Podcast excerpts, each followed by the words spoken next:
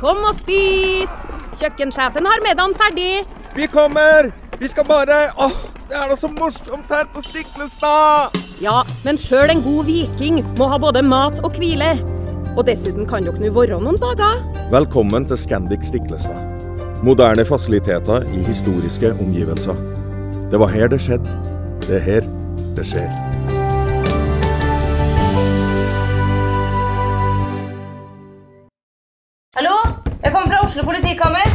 Ine Jansen er purk. Er du purk? The motherfucking bitch. Alt jeg vil, er å finne ut hva som skjedde med mannen min. Jon Carew. Er jeg sikta for noe? Iben Akeli. Det er du. Ole So, Lars Berrum og Big Daddy Karsten. Hvem sin side er du på, egentlig? Anette Hoff, Tone Danielsen, Kommer du fra Afrika? Jørnis Josef, Nesten. Kløfta. Trond Espen Seim, Det er synd å si det, men det var feil mann som døde. Purk.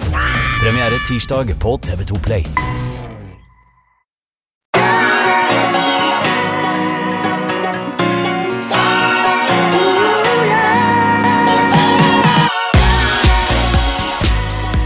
Velkommen til podkasten Hjernesterk. Eh, Vi er relativt eh, friske og raske i dag også, Ole Petter, selv om eh, frisk det er et veldig relativt begrep. Eh, Ingen er jo helt friske. Eh, Vi har jo, eksempel begynner jeg å få ganske mye skavanker både her og der. Vondt i hofta, jeg har vondt i skulderen. Jeg har ikke gjort noen ting med det, eh, men jeg prøver å holde meg i gang. Sov dårlig gjorde jeg i natt også, men jeg har jo hatt en lang periode hvor jeg har sovet ganske bra, så sånn er det jo innimellom. Formen din er ok, Ole Petter? Formen min er bra, vet du. Akkurat vært ute på en sykkeltur i pøsende regnvær. Så jeg sitter fortsatt med litt lite følelse i fingrene, men eh, ellers bra. Ja. Likfingre. Yes. Ja, sånn er det. Du, vi har fått et eh, spørsmål her fra en engasjert Jeg mener at det er en eh, Jeg tror det er en lokalpolitiker et eller annet sted, eller en politiker i hvert fall. Hun skriver Har dere lyst på kanskje tidenes største spørsmål til podkasten? Ja, den tar vi. Hvilke grep må vi som samfunn på politisk nivå og som enkeltpersoner gjøre for å bedre folkehelsen vår, redusere kostnadene for velferdsstaten og bruke inntektene staten får inn til forebyggende arbeid istedenfor behandling. Det som blir gjort i dag, er jo helt tyd at, fungerer jo helt tydelig ikke slik det burde, når vi vet hvor mye penger som brukes på behandling istedenfor forebygging, og hvordan mange voksne sliter med nok fysisk aktivitet og ernæring. Må det tas så radikale politiske grep som det røykeloven var, eller finnes det andre mindre inngripende tiltak man kan gjøre? Um, hun skriver da videre Jeg for min del tror det første vi trenger er politikere som tør å ta kjernen av saken, og som ikke er redd for å tråkke folk på tærne eller eh, drar følelser inn i spørsmålene. Så har hun sånn emoji der med svettetegn og smil. For overvekt og fedme er jo så sammensatt, og man kan ikke bare si i utropstegn vi må bevege oss mer og spise mer næringsrikt. Um, ja, øh, det var et stort spørsmål. Um, vi, har Mm. vært, vi var jo på Arendalsuka Vi de, vi. Ja, vi var på Arendalsuka for noen uker siden, Ole Petter, øh, øh, og snakket om temaet. Du fløy jo inn og ut av det ene seminaret etter det andre. Vi møttes på ett, hvor vi da var sammen med Mesto Counta, og så snakket om hvordan de gjorde det rent sånn praktisk med oppfølging av fysisk aktivitet. Det er ikke noe tvang der, men de der er det jo, de har jo allikevel veldig gode trimtall da, sammenlignet med samfunnet for øvrig i, i prosent av ansatte som rapporterer at de mosjonerer. Eh, det er jo eh, gøy eh, det, å følge opp det prosjektet. der. Men hva eh, trenger vi en, eh, ikke en røykelov, men en trimmelov? Ja, altså, jeg skal ikke påberope meg å være ekspert og ha noe fasitsvar på, på dette veldig store spørsmålet som handler om hvordan vi bedrer folkehelsa, men eh, jeg skal prøve å være litt tydelig allikevel, for jeg mener noe eh, ganske sterkt rundt akkurat det der. Og hvis vi nå definerer folkehelseutfordringen vår, kanskje det er jo flere utfordringer vi har, men kanskje noe av det aller største er jo inaktivitet og overvekt, fedme. Sant? Med 75% av den eh, voksne befolkningen eh, som ikke møter myndighetenes anbefaling om fysisk aktivitet. Det koster oss 239 milliarder kroner hvert år. Eh, Vi har 60-70% av befolkninga overvekt eller fedme. så, så, vet vi jo at til syvende og sist så er det jo vi som individer som avgjør hvor mye vi beveger oss og hva slags type mat vi spiser. Jeg tror allikevel at løsningen her for å gjøre noe med disse store folkehelseproblemene, det ligger ikke primært på individnivå. Eh, det er ikke latskap eller lite motivasjon som er den viktigste grunnen til at vi går opp i vekt og beveger oss lite. Mm. Det handler rett og slett om at vi har laget et samfunn med viten og vilje eh, som er tilrettelagt for inaktivitet. Vi trenger ikke lenger å bevege oss. Den usunne maten er utrolig tilgjengelig, den er billigst osv. Så, videre. så eh, jeg er overbevist om at slaget her, det står på samfunnsnivå. Det er mm. der vi henter inn de store gevinstene og kan altså rett og slett, litt enkelt sagt, legge forholdene til rette så det blir litt lettere for oss å ta de valgene vi innerst inne vet er gode, men som er vanskelig å få til i dagens samfunn i praksis. Og vi vet jo også, Politikerne vet jo også hva er det som skal til. Jeg vil være frimodig nok til å si at jeg tror de aller fleste politikere vil være enig i at det å bruke lovverket vårt, som vi gjør til veldig mye forskjellig for folkehelsa, vi har lover og regler for bruk av bilbelte for å hindre død, dødsfall i trafikken. Vi har lover og regler for alkohol, når du kan kjøpe det, når du ikke skal kjøre bil med alkohol osv. osv. Mm. Så tror jeg vi bør bruke lovgivningen, og det vi vet er f.eks. en lov om eh, et vedtak om mer fysisk aktivitet i skolen. Det ville gjort underverker. Mm senke momsen eller senke avgifter på, usunn, på, på sunn mat, øke avgifter på usunn mat, gjøre noe med tilgjengelighet. Altså, dette er ting vi kan få til med enkle pennestrøk eh, ved bruk av lovgivning. Problemet er at det er ingen politikere som tør å gjøre det, til tross for at de vet at dette er viktig. Mm. Eh, og Der er jo litt av problemet, og da tenker jeg at noe av det er naturlig.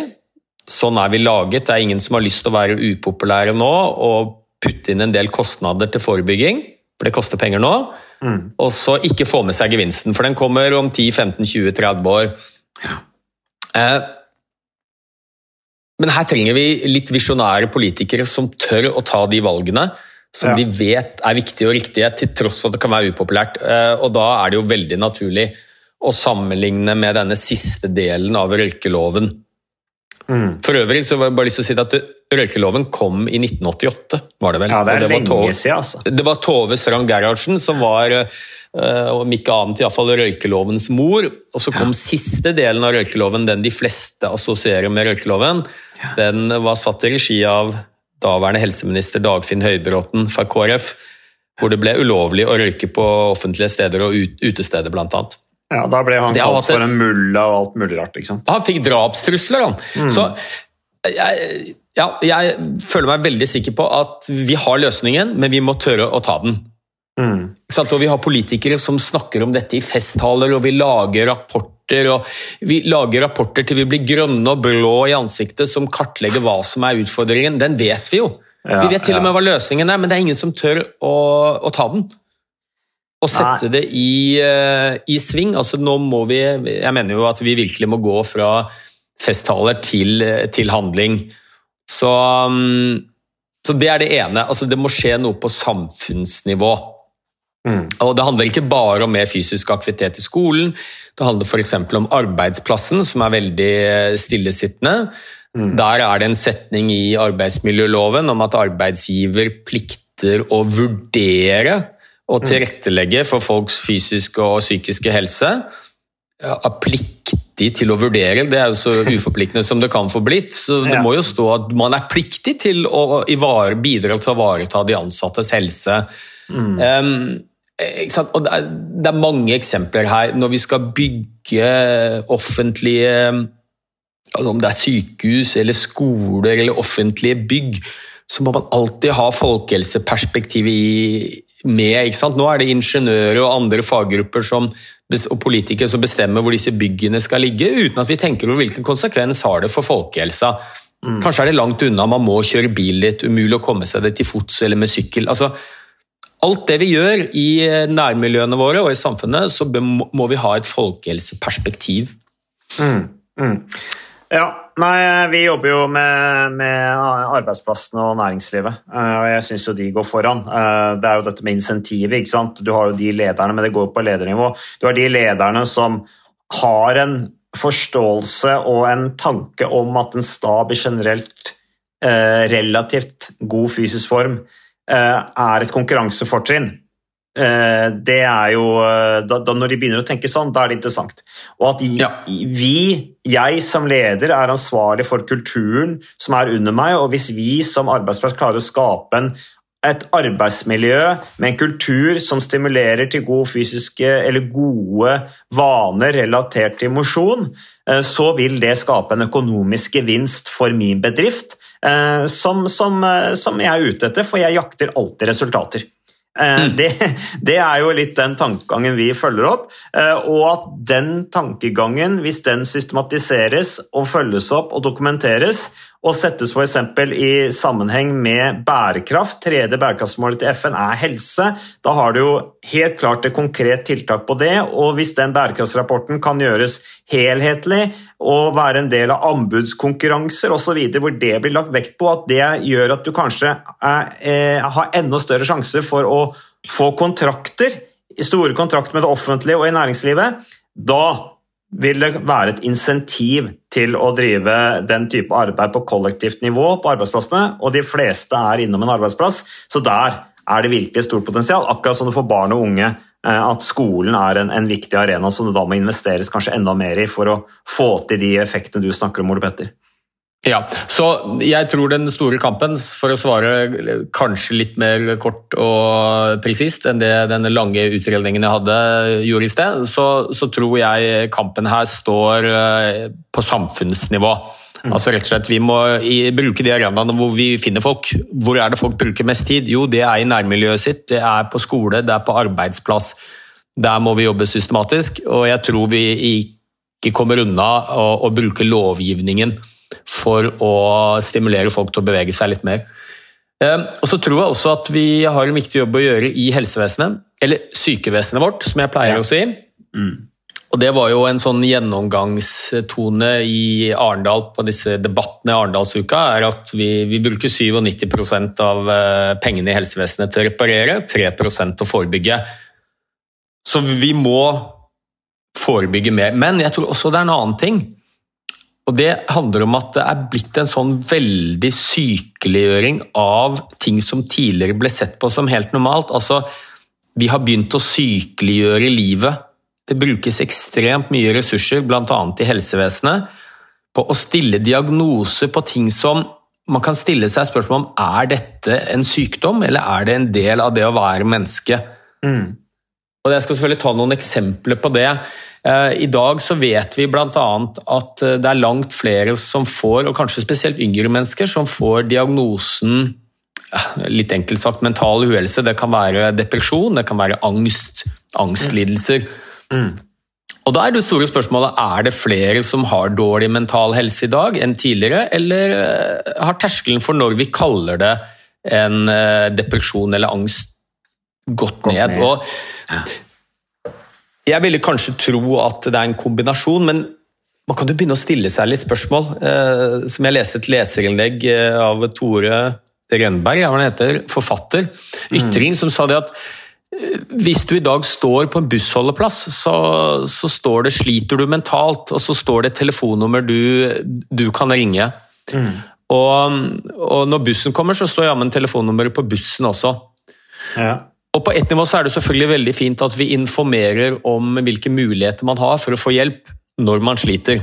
Mm. Uansett om det er fysisk eller mentalt. Men jeg tror vi har senket terskelen for hva vi nå begynner å kalle sykelig. Det er helt normalt når du er ungdom eh, og kanskje har litt usikkerhet rundt framtiden, være litt nedstemt, kanskje ikke være så positiv til framtiden, lure litt på hvem du er, relasjonene rundt deg. altså Rett og slett det å ha det litt vanskelig. Det er en, eh, det er en naturlig del av å vokse opp. Å bli voksen. Det kalles også, melakoni? Altså, Ja, ja, og- det er jo, tenk på alle store Tenk på alle forfatterne, dikterne, musikerne gjennom hundrevis av år som har sittet og skrevet om det, ja. og kanskje brukt den skrivinga som terapi. Og jeg mener selvfølgelig ikke at vi ikke skal hjelpe folk som sliter ordentlig eh, mentalt. Vi må, ha, vi må ha bedre tilbud til dem, vi må snakke mer om det, det må mer midler til det, men vi må være veldig varsomme så vi ikke sykeliggjør det som er helt normalt. At man har eh, følelsesmessige svingninger. At Man er ikke alltid i veldig godt humør eller har en stabil syke. Det svinger. Eh, og de aller fleste av oss møter en del stormer i løpet av livet, og da er det helt naturlig at ting kan bli litt vanskelig. Eh, og jeg mener ikke da at man ikke skal få hjelp og ha noen å snakke med, men vi skal være veldig varsomme med å diagnostisere. Det sykeliggjør bare enda mer.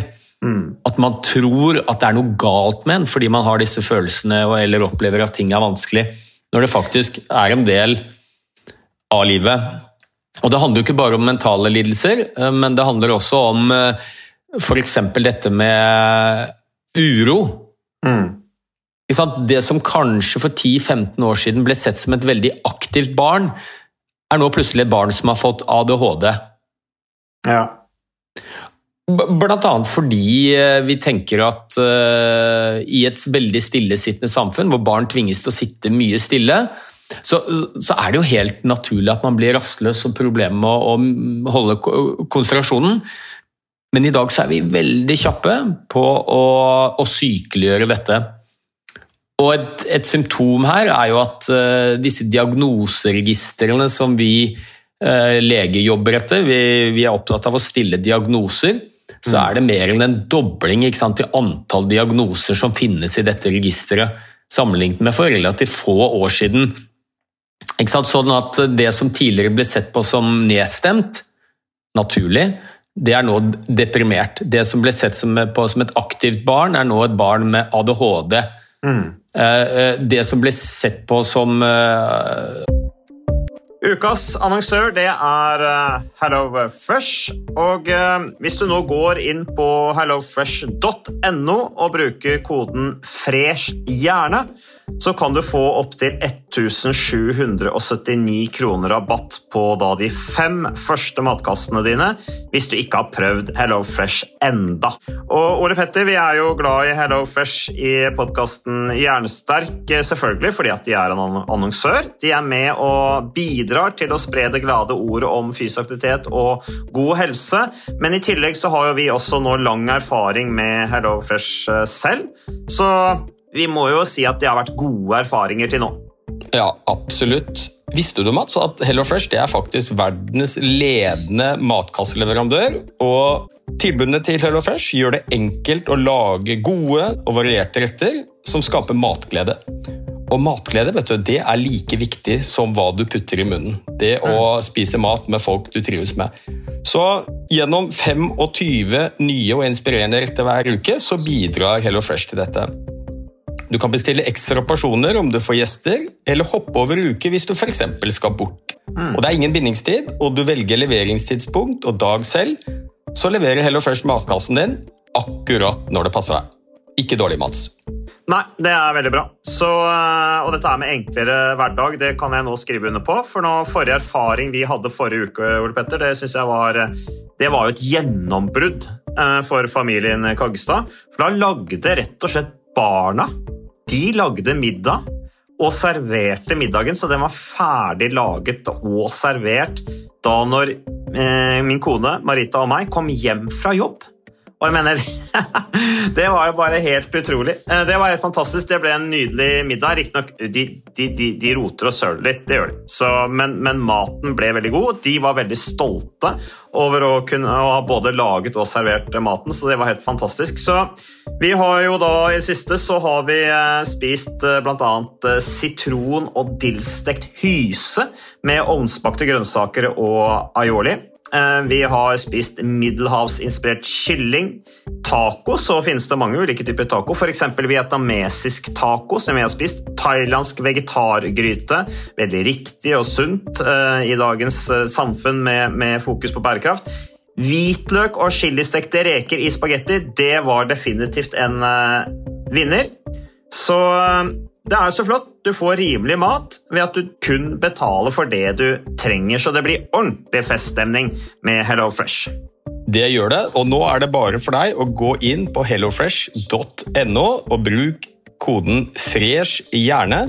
Da får du opptil 1779 kroner rabatt på de første fem matkassene dine, hvis du ikke allerede har prøvd HelloFresh. Du kan også bruke rabattkoden hvis du har stoppet abonnementet ditt for tolv måneder siden eller mer. Er det noe å lure på? Håper maten smaker godt. Bon appétit! At man eh, kanskje er litt stressa, det er nå sett på som utmattelse. Mm. Altså, man Vi lager diagnose på en del ting som faktisk er helt naturlig. Jeg sier ikke at det ikke er plagsomt, for det er det, og man kan gjerne få hjelp for det, men vi skal vokte oss, vokte oss veldig for å, å, sette en diagnose på det, for det, det sykeliggjør bare enda mer. Og så bruker vi ufattelig mye ressurser i helsevesenet på det. Ja, og det er den quick-fixen, da. Altså, hva tar du tak i? Altså, er det, og, og vi, vi var vi innom pilleskam uh, for noen uker siden, og, og, det har jo stått litt om det også. At, uh, og, og, medisinering kan jo være uh, veldig nyttig i enkelte tilfeller, men, men, det er jo noen ganger jeg lurer på liksom, Er løsningen å, få medisiner eller å, å, starte på en eller annen tablettkur?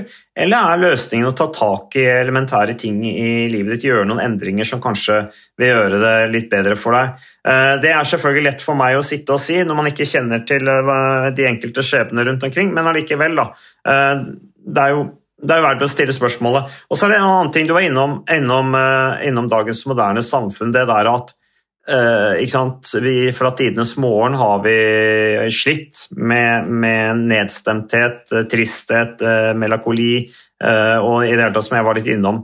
Men i dagens samfunn med sosiale medier så brukes jo sosiale medier som en årsak til at samfunnet er blitt tøffere.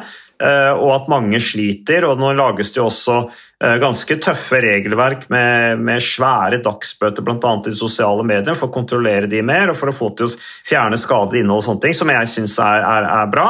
Men samtidig så lurer jeg på er det sosiale, det sosiale mediet i seg selv og innholdet vi får servert som gjør oss uh, syke, eller er det det at vi mister den sosiale, uh, den normale eller naturlige eh, sosiale kontakten vi vanligvis har med hverandre, eh, som kanskje gjør at vi får tatt den samtalen da, som gjør at vi ikke drukner i våre egne sorger, eh, som vi kanskje får påfyll av gjennom sosiale medier. Hva, hva, tenker du om det, Ole Du har jo skrevet der, det digitale dopet også om sosiale medier. Er det, er det en faktor som er med på dette her?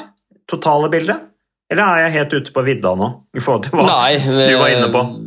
Hvis du er ute på vidda, så tror jeg vi alle er det. fordi at dette er jo ikke noe vi vet helt sikkert. Eh, vi kan observere i ganske store studier at det er en sammenheng mellom det å være mye på sosiale medier og dårlig mental helse.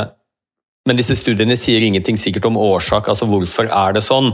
Mm. Og, og, Det er jo flere hypoteser. Det ene er jo f.eks. at hvis man sitter og bruker veldig mye tid på sosiale medier, det er jo det vi bruker mest tid på når vi er på, på nett og på skjerm, så stjeler det tid fra andre viktige ting vi gjør, som er bra for mental helse. F.eks. å være sammen med andre mennesker. Mm. Det kan være en forklaring. Eh, og så er det selvfølgelig høna eller egget. Er det sånn at eh, man blir deprimert av å være mye på sosiale medier, eller er det de som er deprimerte, som har en tendens til å bruke det mer? Eh, eller er det tingene som vi ser på sosiale medier? Som er årsaken. Og, og kanskje den sterkeste hypotesen handler nok uh, det vi kaller om sammenligningshypotesen. Da. Rett og slett at uh, når vi er inne på sosiale medier, så får vi et falskt og galt inntrykk av hvor, hvordan livene til alle menneskene rundt oss er. Vi får et inntrykk av at alle andre lever veldig uh, suksessrike og glamorøse og lykkelige liv. Mm. For det er jo gjerne det vi legger ut på sosiale medier. Eh, og så gjør det at man eh, bruker andres liv som en målestokk på hvordan man har det sjøl. Hvis du tror at alle andre har det veldig mye bedre enn ditt eget liv, så er ikke det noe spesielt bra for den mentale helsa.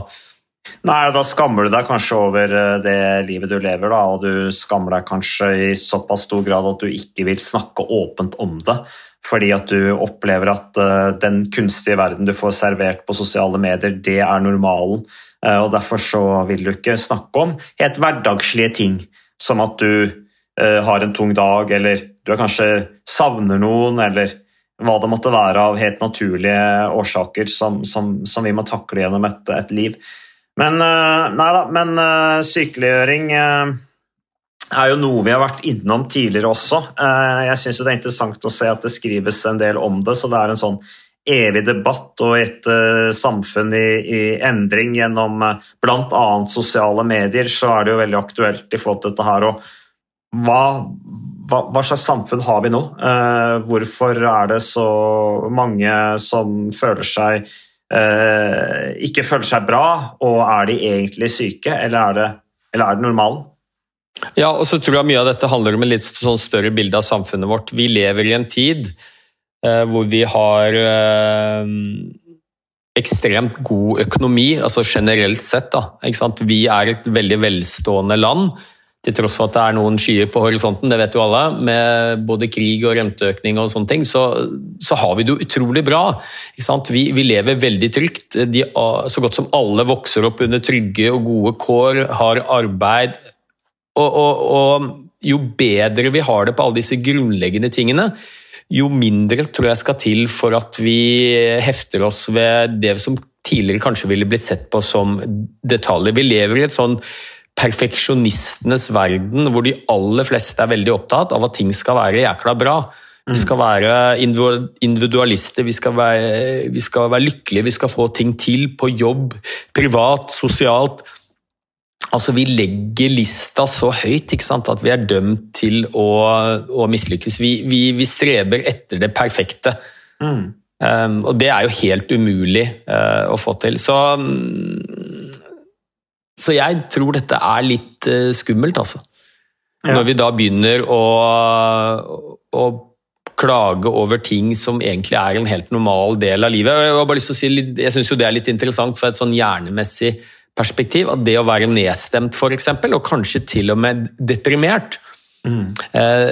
det tror vi har vært en viktig evolusjonsmessig faktor som har sikret overlevelsen vår.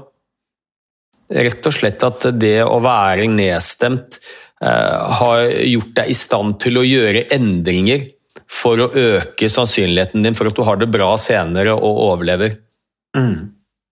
Eh, at det å, å, å, være nedstemt, at ting er vanskelig, det er en, en drivkraft for å gjøre endringer, for å, å gjøre, øke overlevelsessannsynligheten din.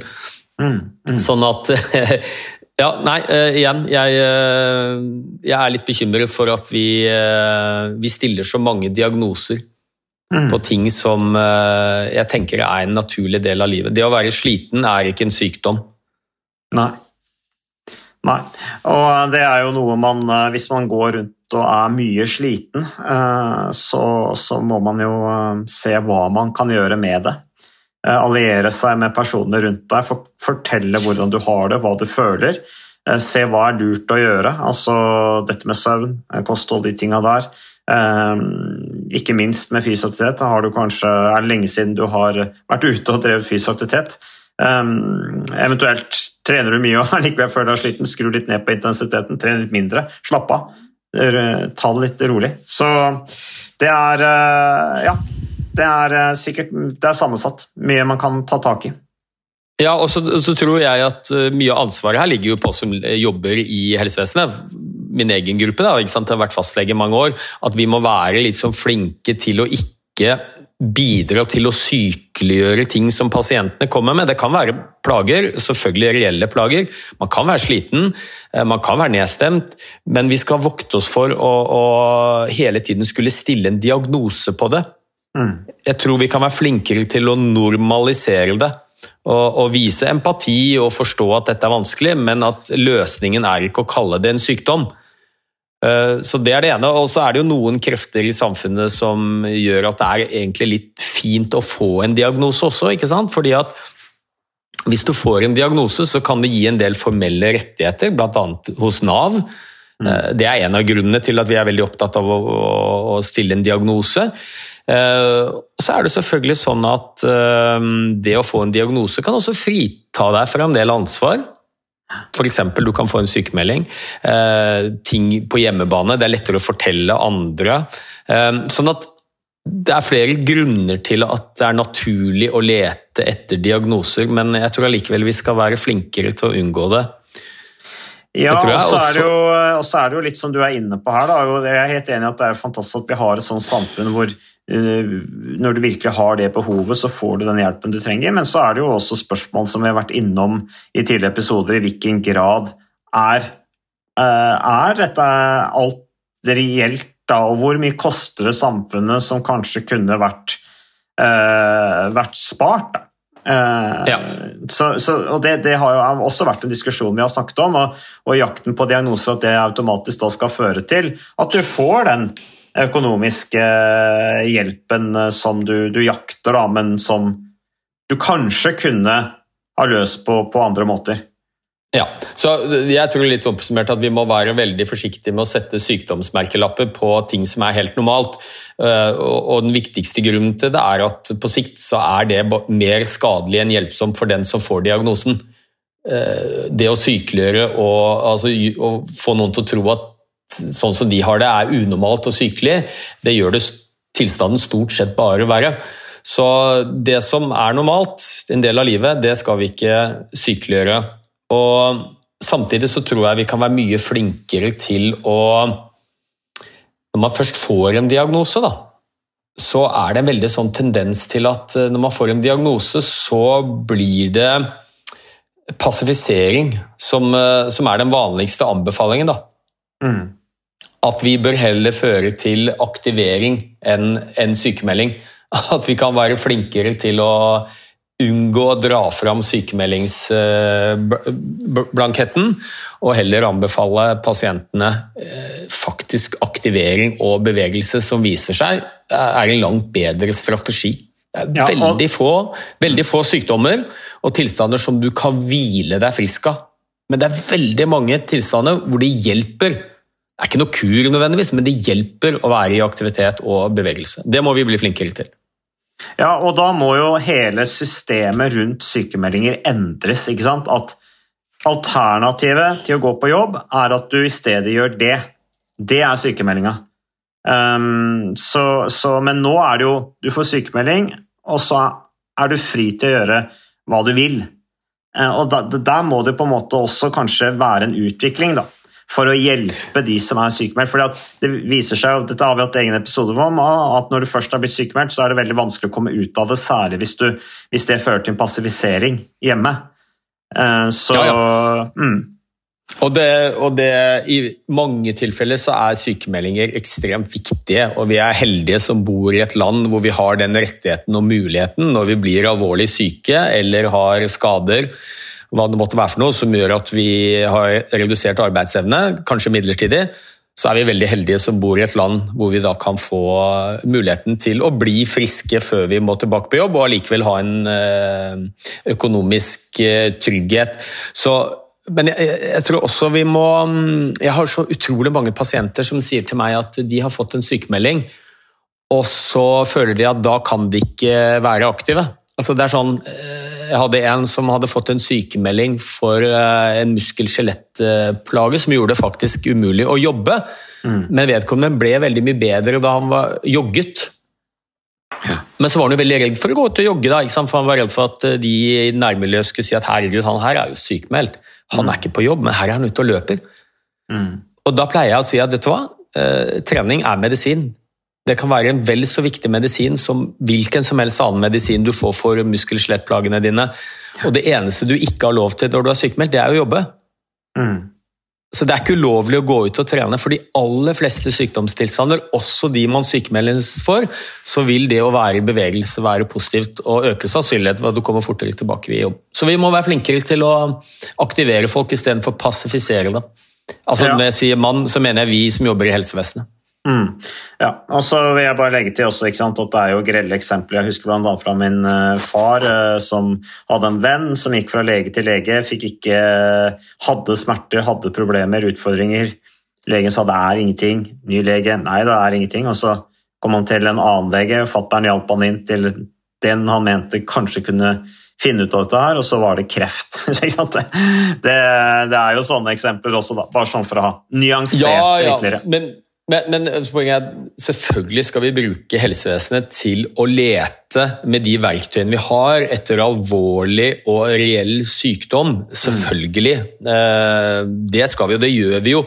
Eh, hele poenget mitt er at vi må vokte oss for å putte sykdomsmerkelapper på ting som er en del av livet, og som er helt normalt. Mm. Eh, og hvor vi hadde hatt det bedre som enkeltindivider hvis vi så på dette som plagsomt, men en del av livet, mm. enn om vi så på det som en sykdom. Og så sparer vi helsevesenet for masse ressurser i tillegg. Ja, og ikke dyrke det som man kanskje føler noen ganger at det blir et, uh, blir et uh, behov for Eller altså at man dyrker uh, disse, disse da hverdagslige Eh, eller disse diagnosene som egentlig kanskje bare er helt vanlige og naturlige. Men takk for det, Ole Petter. Eh, da fikk vi tatt en liten runde med det som startet da med det store spørsmålet her om eh, ja, hva skal vi kalle det, helsepolitikk eller forebyggingspolitikk, er det vi egentlig skal kalle det. Og så fikk vi avslutta med litt snakk om er vi egentlig så syke. Så takk for det, Ole Petter. Takk til lytterne våre. Eh, og vi, eh, takk til alle som bidrar til podkasten, inkludert våre annonsører og ikke minst moderne media. Vi er tilbake med mer podkasten Jernsterk neste uke.